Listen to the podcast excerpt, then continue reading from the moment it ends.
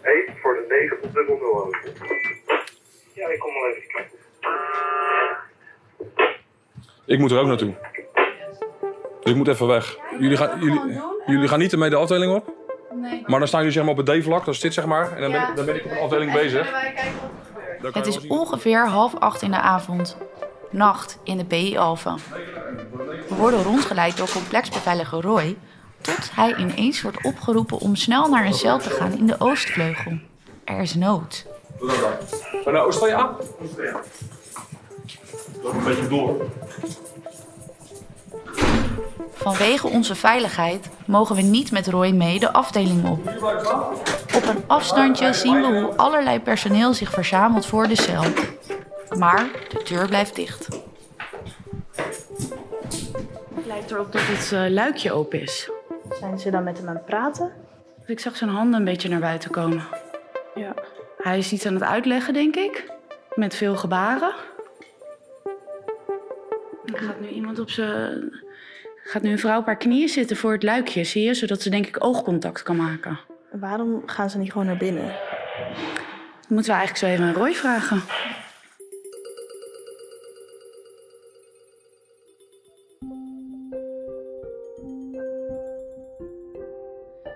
Dit is een podcast van het AD. En in dit seizoen van Achter het Verhaal nemen we een kijkje achter de tralies van de grootste gevangenis voor mannen in Nederland. De penitentiaire inrichting in Alphen aan de Rijn. Ik ben Serena Hofman en samen met mijn collega Ditya Kabba ben ik een paar maanden te gast geweest in de Alphense gevangenis. Om me te verdiepen in het dagelijks leven achter de tralies. Op een gegeven moment moet je ook denken, het ene oor in, het andere oor uit. Denk ja, Het is niet zo van, oh, je wordt in de gevangenis gedumpt en eh, ons leven gaat door. En eh, er moeten natuurlijk ook heel veel dingen geregeld worden. Met verzekering, met huis, eh, noem maar wat auto. Om vijf uur 's middags eindigt de dag in de Alphense gevangenis. Dan gaan alle celdeuren op slot. Dat blijft ook zo tot de volgende ochtend half acht. Alleen als de situatie levensbedreigend is, gaat de deur met toestemming van de directeur open. Zo niet, dan blijft de gedetineerde hoe dan ook binnen en het personeel sowieso buiten. Als het alarm afgaat, dan zit je meteen in de adrenaline. Alleen dan moet je handelen. En dat, eh, ja, dat is belangrijk. Het concept buiten is altijd relatief en vooral binnen de muren van een gevangenis. Want wat is buiten wanneer de nacht begint? Even lekker eh, rustig blijven. Je zit gewoon achter de deur, je kan niks. Hoe is het om te werken in een op het eerste oog lege gevangenis, waar in werkelijkheid honderden mannen achter de deur zitten? passen. Ik heb ook wel eens eh, sollicitanten gehad die zeiden van... nou, ik vind het eigenlijk benauwend. En ik kan om die reden hier niet werken. En dat, eh, dat kan ik... eh, In de vorige aflevering hoorde je waar het allemaal begint: het bad, oftewel de binnenkomstafdeling delinquenten. Hierna begint het leven in de PI. Een leven vol regels waar je je aan dient te houden om verdere consequenties te voorkomen. Want ook als je al in detentie zit, kun je nog een keer gestraft worden. En dit heeft gevolgen voor je contact met buiten. Het is na vijven en dus is het stil en leeg in de gevangenis. In alle rust worden we rondgeleid door Roy en Priscilla, twee beveiligers met een grote sleutelbos en een portofoon aan hun broek. Ik ga jullie een beetje eh, laten zien eh, wat voor werk we zo allemaal doen. En op welke eh, plaatsen. Omdat ik verkenner ben, heb ik een portofoon bij me. Zodat als ik opgeroepen word, dat ik meteen weg kan. Dus als er bijvoorbeeld een, een brandalarm afgaat, dan wordt de verkenner ploegleider door de meldkamer opgeroepen. En die stelt zijn verkenners in stelling om te gaan kijken bij de cel waar de brandalarm vandaan komt. Dat gebeurt zeker, ja. Nou, je moet zo zien, het komt niet vaak voor dat er echt brand op cel is. Het gebeurt wel eens, maar dan heb je het echt misschien één keer in het jaar. Meestal is het dat de jongens, die hebben allemaal een marathon op cel. En eh, dan hebben ze natte sokken. En dan denk ik, oh, ik ga mijn sok even droog maken. En dan leggen ze in de marathon. Of een eh, broodje die ze warm willen maken, want dat is een krokant broodje. Ja, als dat in de marathon legt, dan eh, komt daar eh, gewoon heel veel rook vanaf. En een sterke geur. Ja, als het in het apparaatje komt, dan gaat hij wel eens af. Dus eh 99 van de 100, dan is het van jongens, er is niks aan de hand. Maar ja, het komt wel eens voor dat er eentje denkt van nou, ik steek eh, mijn prullenbak in de, in, de, in de fik. Ook al eh, werk je al eh, 25 jaar hier, of het is je eerste dag. Als het alarm afgaat, dan zit je meteen in de adrenaline. Alleen dan moet je handelen. En dat, eh, ja, dat is belangrijk. De rondleiding start. Roy neemt ons mee naar een grote zaal met donkerpaarse muren. De kamer wordt in twee gesplitst door een laag muurtje dat als het ware door de ruimte heen slingert. Aan beide kanten van dat muurtje staan krukjes. Dit is de bezoekershal. Ja, dit is de bezoekzaal, de zogenaamde slang. De deur linksachter, daar komen de gedetineerden naar binnen. Je ziet dat die alleen maar aan, eh, aan hun kant kunnen blijven. Daar komen de bezoekers naar binnen. En die kunnen zeg maar ook niet zomaar naar de, naar de gedetineerde kant toe. En toen eh, in de coronatijd, toen hadden we nog plexiglas eh, schermen. Ik denk nog anderhalve meter daarboven. Dus eh, ja, dan konden de mensen elkaar niet begroeten. Ja, alleen maar door te praten door een telefoon ouderwets. Zoals je dat in de films in Amerika ziet. Dus dat was natuurlijk heel heftig, ook voor de gedetineerden. Dat ze natuurlijk een bezoek niet kunnen omhelzen of een zoen kunnen geven. Dat mag in principe wel. Dat gedogen we. Want we zijn natuurlijk allemaal mens. Dus ja, dan, eh, dan wil je natuurlijk iemand even een kus geven of een knuffel geven. Dat is natuurlijk voor ons een taak om goed op te letten. Want het zou natuurlijk kunnen dat iemand denkt van... hé, hey, ik eh, heb wat bij me en ik wil dat misschien geven. Dus zijn er een beetje de kritieke momenten. Als rechtbankverslaggever heb ik wel eens meegemaakt dat een vrouw terecht stond voor het smokkelen van drugs tijdens een bezoekuur in de Alphense gevangenis. Ik vroeg Roy daarom of het vaker voorkomt. Bijvoorbeeld eh, drie weken geleden meegemaakt. Er ging een, een, dame met, eh, met de gedetineerden staan zoenen. Alleen dat duurde mij even te lang. Ik stond op vijf meter te kijken. En ik dacht van, daar wordt daar iets overgebracht via de mond. En toen dus ik liep er naartoe en toen gingen ze met de mond van elkaar af. En toen viel er wat naar beneden. Alleen de dame in kwestie ging een beetje slinks staan. Dus ik had niet helemaal goed in de gaten waar het nou viel. En, maar je moet ook bedenken dat er hier nog een stuk of zes, zeven gedetineerden waren met een bezoek. Ja, en de gedetineerde gaat dan met een, eh, met een stem naar mij van... joh, wat is er aan de hand? Er gebeurt niks. Terwijl ik echt was zag vallen. Dus ja, en ik zag niks liggen. Dus ik denk, ja, heb ik het dan wel goed gezien? Dus ja, dan gaan we naar de camera's staan kijken. En dan blijkt inderdaad dat er een stukje hash viel. Dus ik heb toen meteen ook naar de bezoekzaal gebeld. Veel collega's ze schieten eh, die kant op. En eh, nou, die is gaan kijken. En nou, raapt inderdaad een, een blokje hash op. Dus met- meteen voor die mensen einde bezoek. Want ja, nou, waarschijnlijk heeft ze het natuurlijk ook ingeslikt. Eh, want ja, in zijn mond zat natuurlijk niks meer. En dan, eh, ja, die mevrouw kwam meteen naar huis en die krijgt dan drie maanden ontzegging. Die mag drie maanden hier niet komen. Dat is dan zeg maar de straf voor haar. En ook voor de gedetineerden dus tegelijk. Zijn er hier nou ook wel eens emotionele taferelen? Natuurlijk. En Hoe ga je daar dan mee om? Of wat is dan jouw taak? Eh, nou, ik werk al zo lang bij justitie dat het mij eh, eigenlijk een beetje onberoerd laat. Ik snap heel goed dat als je elkaar dus een week niet ziet, omdat eh, iemand hier zit die misschien wat gedaan heeft, want dat is natuurlijk ook nog niet zeker. Ehm, dat je natuurlijk emotioneel bent met je partner. Ja, nou, ik zie wel eens eh, tranen over de wangen gaan, inderdaad. Maar goed, eh, ja, ik moet profe- professioneel blijven. En ik moet gewoon goed in de gaten houden dat alles netjes verloopt. Dus ik heb er eigenlijk niet zo heel veel mee. In het begin is dat anders. Maar dan sta je ook een soort met knikkende knieën voor de poort. Van jezus, ik ga vandaag beginnen in een gevangenis. En dat heb ik ook gehad. En eh, dat is best indrukwekkend. Want ja, je komt natuurlijk in een wereld waar je eigenlijk helemaal niks vanaf weet. Want het is eigenlijk gewoon een soort dorp eh, tussen muren. Hier gebeurt hetzelfde als in de buitenwereld. Maar ja, je ziet natuurlijk ook criminelen. Eh, je, hoort, je ziet af en toe zie je eigenlijk gewoon een soort bekende Nederlander die in de, in de krant staat omdat hij iets gedaan heeft. Ja, die zie je dan bij je voorbij lopen. Dus ja, dat is natuurlijk al heel apart natuurlijk. Ik zeg altijd gekscherend tegenwoordig. De mensen stinken ook als ze van de wc afkomen. Het zijn net mensen. Want het, we hebben gewoon met mensen te maken. Dus dat maakt allemaal niet zoveel uit. Alleen ja, ze hebben een verkeerde keuze gemaakt in het leven. Dus ja, en daarom zijn ze hier.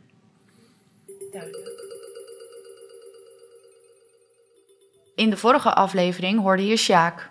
Hij zit vast in een Alphense gevangenis. We vroegen hem en ook Ali, een andere gedetineerde, naar hun contact met buiten. En ehm, heb je ook contact met mensen thuis? Ja, ja, ik heb elke week bezoek. Ja, ik ben, ik ben in de coronatijd ben ik binnengekomen. Er zat er eerst zo'n eh, plexiglas zat ertussen. Dus kon je niet even een knuffel geven of iets. En eh, ja, nu wel. Dus dat, eh, dat vind ik wel heel fijn. En ik waardeer het altijd, alle mensen die achter mij staan en dingen voor mij regelen. Want het is niet zo van, oh, je wordt in de gevangenis gedumpt en ons leven gaat door. En er moeten natuurlijk ook heel veel dingen geregeld worden. Met verzekering, met huis, noem maar wat, auto, telefoon, abonnement. Dat loopt allemaal door. En dat moet wel allemaal geregeld worden. Dus dat hebben ze allemaal heel fijn voor mij geregeld. En als ik nieuwe kleertjes wil, brengen ze voor mij nieuwe kleertjes. Als ik geld nodig heb voor boodschappen, brengen ze, storten ze geld voor me. Dus eh, nee, ik ben heel blij met ze. Mm, hoe bedoel je thuis? Een familie of vrouw? Ja? elke dag. Elke dag. Ik bel eh, gaat met zijn familie. Het is belangrijk. Gaat ook krijgen rustig. Snap je? Als je met familie praat of vriendinnen of mensen die, ik- die niet kennen. ja, Ze helpen jou een beetje om te, een beetje goede energie te geven. Om te doorgaan. Dus ja. ik leef ook echt van eh, ja, die dag tot de volgende dag. Dan begint eigenlijk mijn week. Ja, dat is wel het moment waar ik naar uitkijk. Ja. Dat zie ik ook aan je, want je begint eigenlijk best wel te stralen als het eh, gaat over de mensen die je buiten hebt. Je moet dankbaar zijn. En ik ben heel dankbaar dat ik eh, goede mensen om me heen heb. En eh, die er voor mij zijn. Die weten ook zelf wat voor persoon ik ben. Dus eh, ja, daar ben ik wel heel blij mee. Hoe gaat zo'n bezoekuur? Ehm, ja, dat is eigenlijk, je zit in een grote ruimte en dan heb je twee kanten. En dan is het een uurtje en dan zit je, ja, het is eigenlijk hoe wij nu zo zitten, deze afstand die wij hebben. En dan zit je met je familie een uurtje te babbelen over hoe het buiten gaat en ja, hoe ik het hier heb. En ja, ik heb natuurlijk niet heel veel te vertellen. Dus ik vraag meer hoe het met hun gaat en wat zij hebben gedaan. Of ze wat leuks of ze wat lekkers hebben gegeten, of ze uit eten zijn geweest, of ze nog op vakantie gaan, dat soort dingetjes. Ja, dat eh, geeft me altijd wel veel kracht, ja. ja.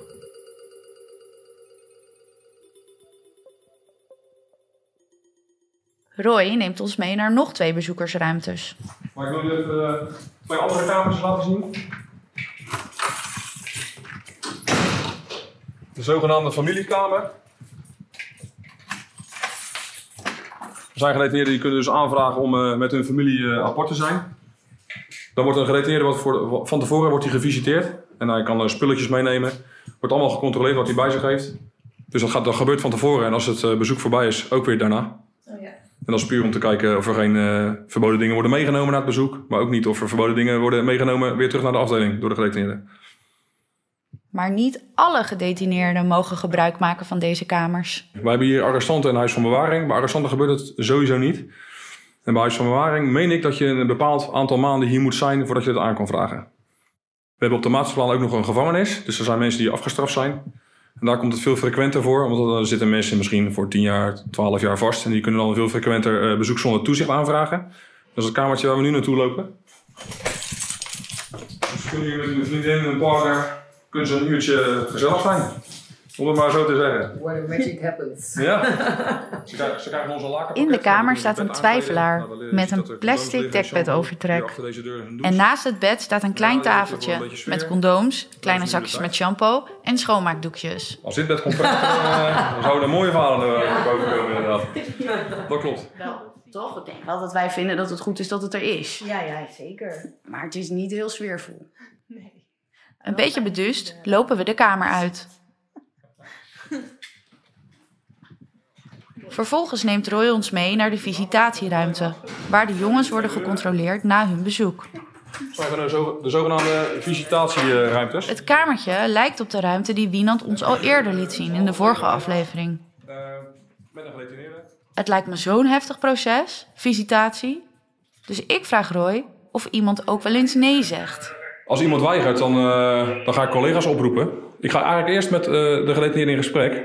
Want dan ga ik zeggen, joh, ik ga nu collega's oproepen en eh, dan moet je naar de isolatie. En daar moet je sowieso uit de kleren, want dan krijg je kleding van ons. Dus dan, en dan meestal zeggen ze, oké, dan doe ik het hier zelf wel. Want voor mij hoeft zo'n jongen niet naar de isolatie. Ik snap best dat het vervelend is als iemand uit de kleren moet voor, voor twee mannen die ernaar staan te kijken.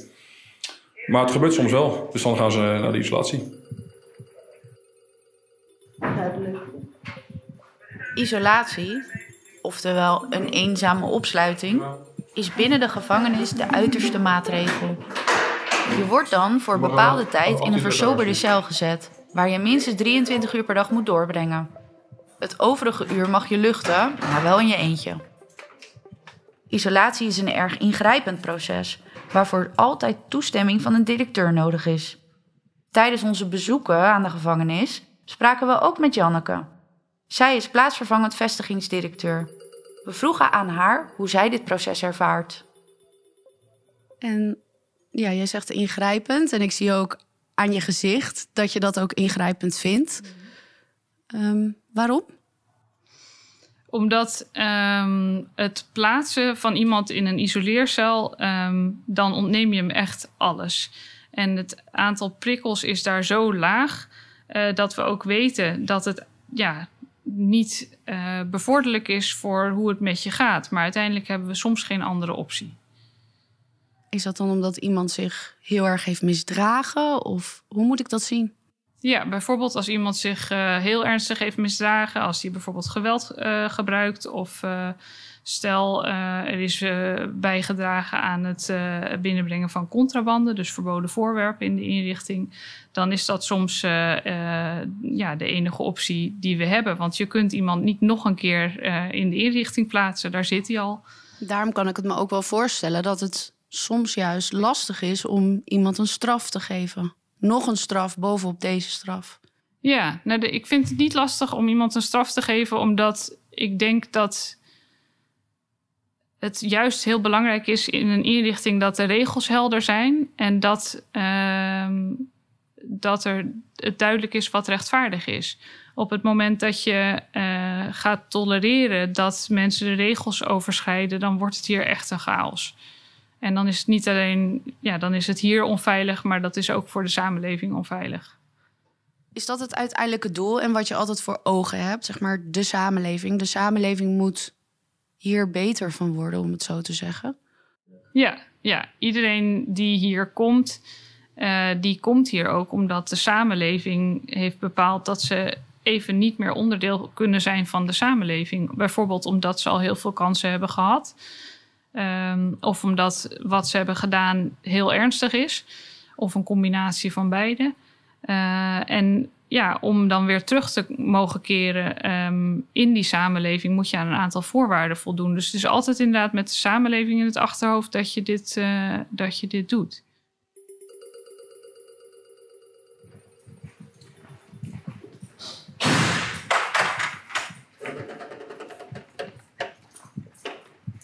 Nou, de afdeling die we hier zien, dat is een, dat is een speciale. Dat is de isolatieafdeling.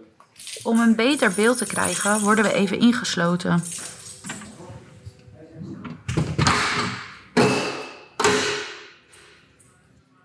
We zijn in een isoleercel. En um, ik moet zeggen dat, er, dat het me opvalt dat er dus ook niet heel veel geluid van buiten naar binnen komt. Het is eigenlijk een, helemaal een een wand zonder enige randen of haken of het is uh, leeg. Er ligt een... In de isolatiecel hangt een kille sfeer en het enige dat me opvalt is de camera in de hoek. Ja, er staat een soort, ik denk dat het een soort krukje of een bankje is.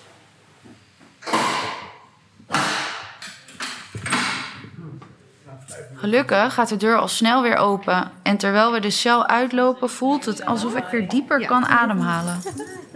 En? Ja, je kan je nergens natuurlijk aan bezeren. En dat hebben we wel gezien. Dat, uh... Janneke vertelde al dat sommige gedetineerden in een isoleercel worden gezet uit eigen veiligheid, omdat ze dreigen zichzelf iets aan te doen. Angst daarvoor tijdens een nachtdienst voelt Roy niet, vertelt hij ons. Maar dat je altijd scherp moet blijven blijkt op een dag als een brandmelding binnenkomt. Ik heb het zelfs een keer meegemaakt. Waar een mensenleven op het spel stond. Uh, en als wij uh, degene achter de deur hadden gelaten, dan had deze meneer denk ik niet meer geleefd. Alleen, uh, want de, de, de eerste regel bij een BFV is, weet u dat toevallig? Eigen veiligheid eerst. Dus ja, als een gedetineerde brand sticht op cel dan, en ik kom daar en ik zie echt de, de rook al tussen de kiets vandaan komen, dat ik weet, het is daar oorlog binnen ja, ga dan maar eens zeggen van uh, wij lopen van die afdeling af. En dan lig ik ook een uurtje later lig ik in een ziekenwagen omdat de route in mijn neus zat. En uh, ze mij wilden controleren of het nog verder gegaan was. Dat was gelukkig niet zo, bij al mijn collega's niet. Maar we hebben toen wel iemand zijn leven kunnen redden. Dat heb ik één keer meegemaakt nu in 11,5 jaar. Dus het is niet zo dat het wekelijks gebeurt. Helemaal niet zelfs, maar deze meneer ja, die had er kennelijk niet zo heel veel zin meer in. Die had op drie plekken had hij brand gesticht.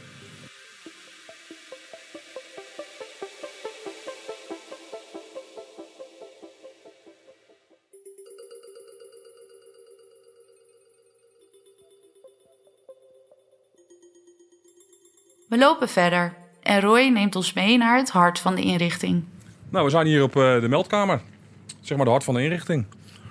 365 dagen in een jaar, 24 uur per dag zitten hier mensen. Dus als het kerst is en iedereen zit lekker te eten...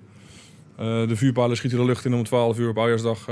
dan zitten hier sowieso twee mensen. In de meldkamer hangen overal waar je kijkt schermen... met daarop camerabeelden van de gevangenis uit allerlei hoeken. We zien plattegronden, beelden van de gangen, de deuren en de cellen. Alarminstallaties zijn bezaaid met lampen en knopjes. De, twee, de drie grote schermen is eigenlijk wat er binnen de muren gebeurt. Eh, als we het middelste scherm pakken, waar we eigenlijk het meeste mee bezig zijn, dat zijn eh, alle buitendeuren van de gebouwen. En dan de binnenkant en de buitenkant van, de, van die deur. Dus je ziet nou twee collega's staan eh, bij de oostdeur. Die krijgen nu een deurtje van, eh, van mijn collega. En je ziet ze de, de, het schermpje eronder uitlopen. Terwijl Roy vertelt wat er allemaal te zien is, wordt mijn blik getrokken naar één van die talloze schermen. Er ligt een man op bed, op zijn zij, met een deken over zich heen getrokken. Ja. Ik herken de ruimte. iets, eh, iets Het is een isoleercel. eh, een of iets dergelijks. En eh, het is het ene woord tegen het andere woord. Dan kan er altijd teruggekeken worden op de camera's. De jongen in de isolatiecel blijkt op advies van de medische dienst onder uurcontrole te staan. Hij wordt altijd in de gaten gehouden en dat houdt in dat elk kwartier in een logboek wordt genoteerd wat hij aan het doen Dat moet is. ik ook allemaal noteren. Hier zien we zo'n formulier. Nou, dan staat er gewoon hier, in de nachtelijke uurtjes. Oh, hij is wakker. Om vier uur s'nachts was hij wakker. Hier ligt onder zijn deken. En dan moet er gewoon een naam en een handtekening bij van, eh, van de collega die hier zo zit. En dan moet dit, eh, vol is, aan de... De man ziet er maar kwetsbaar uit.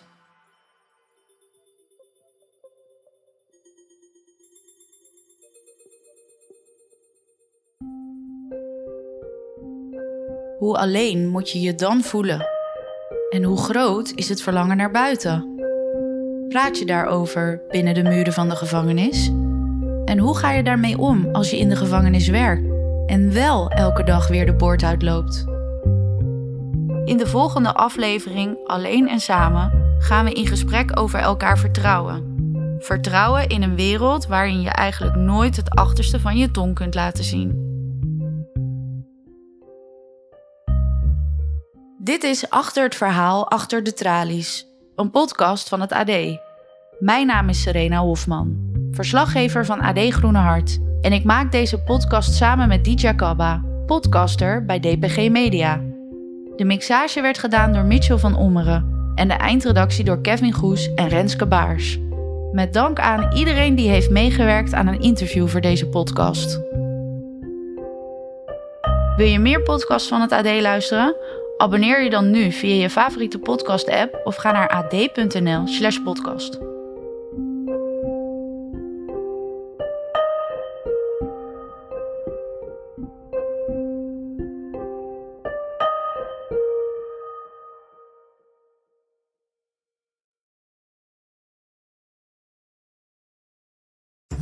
worden dagelijks overladen met overbodige informatie. En het is moeilijk de zin van de onzin te scheiden. Daarom vertrouw ik op echte journalisten in plaats van meningen.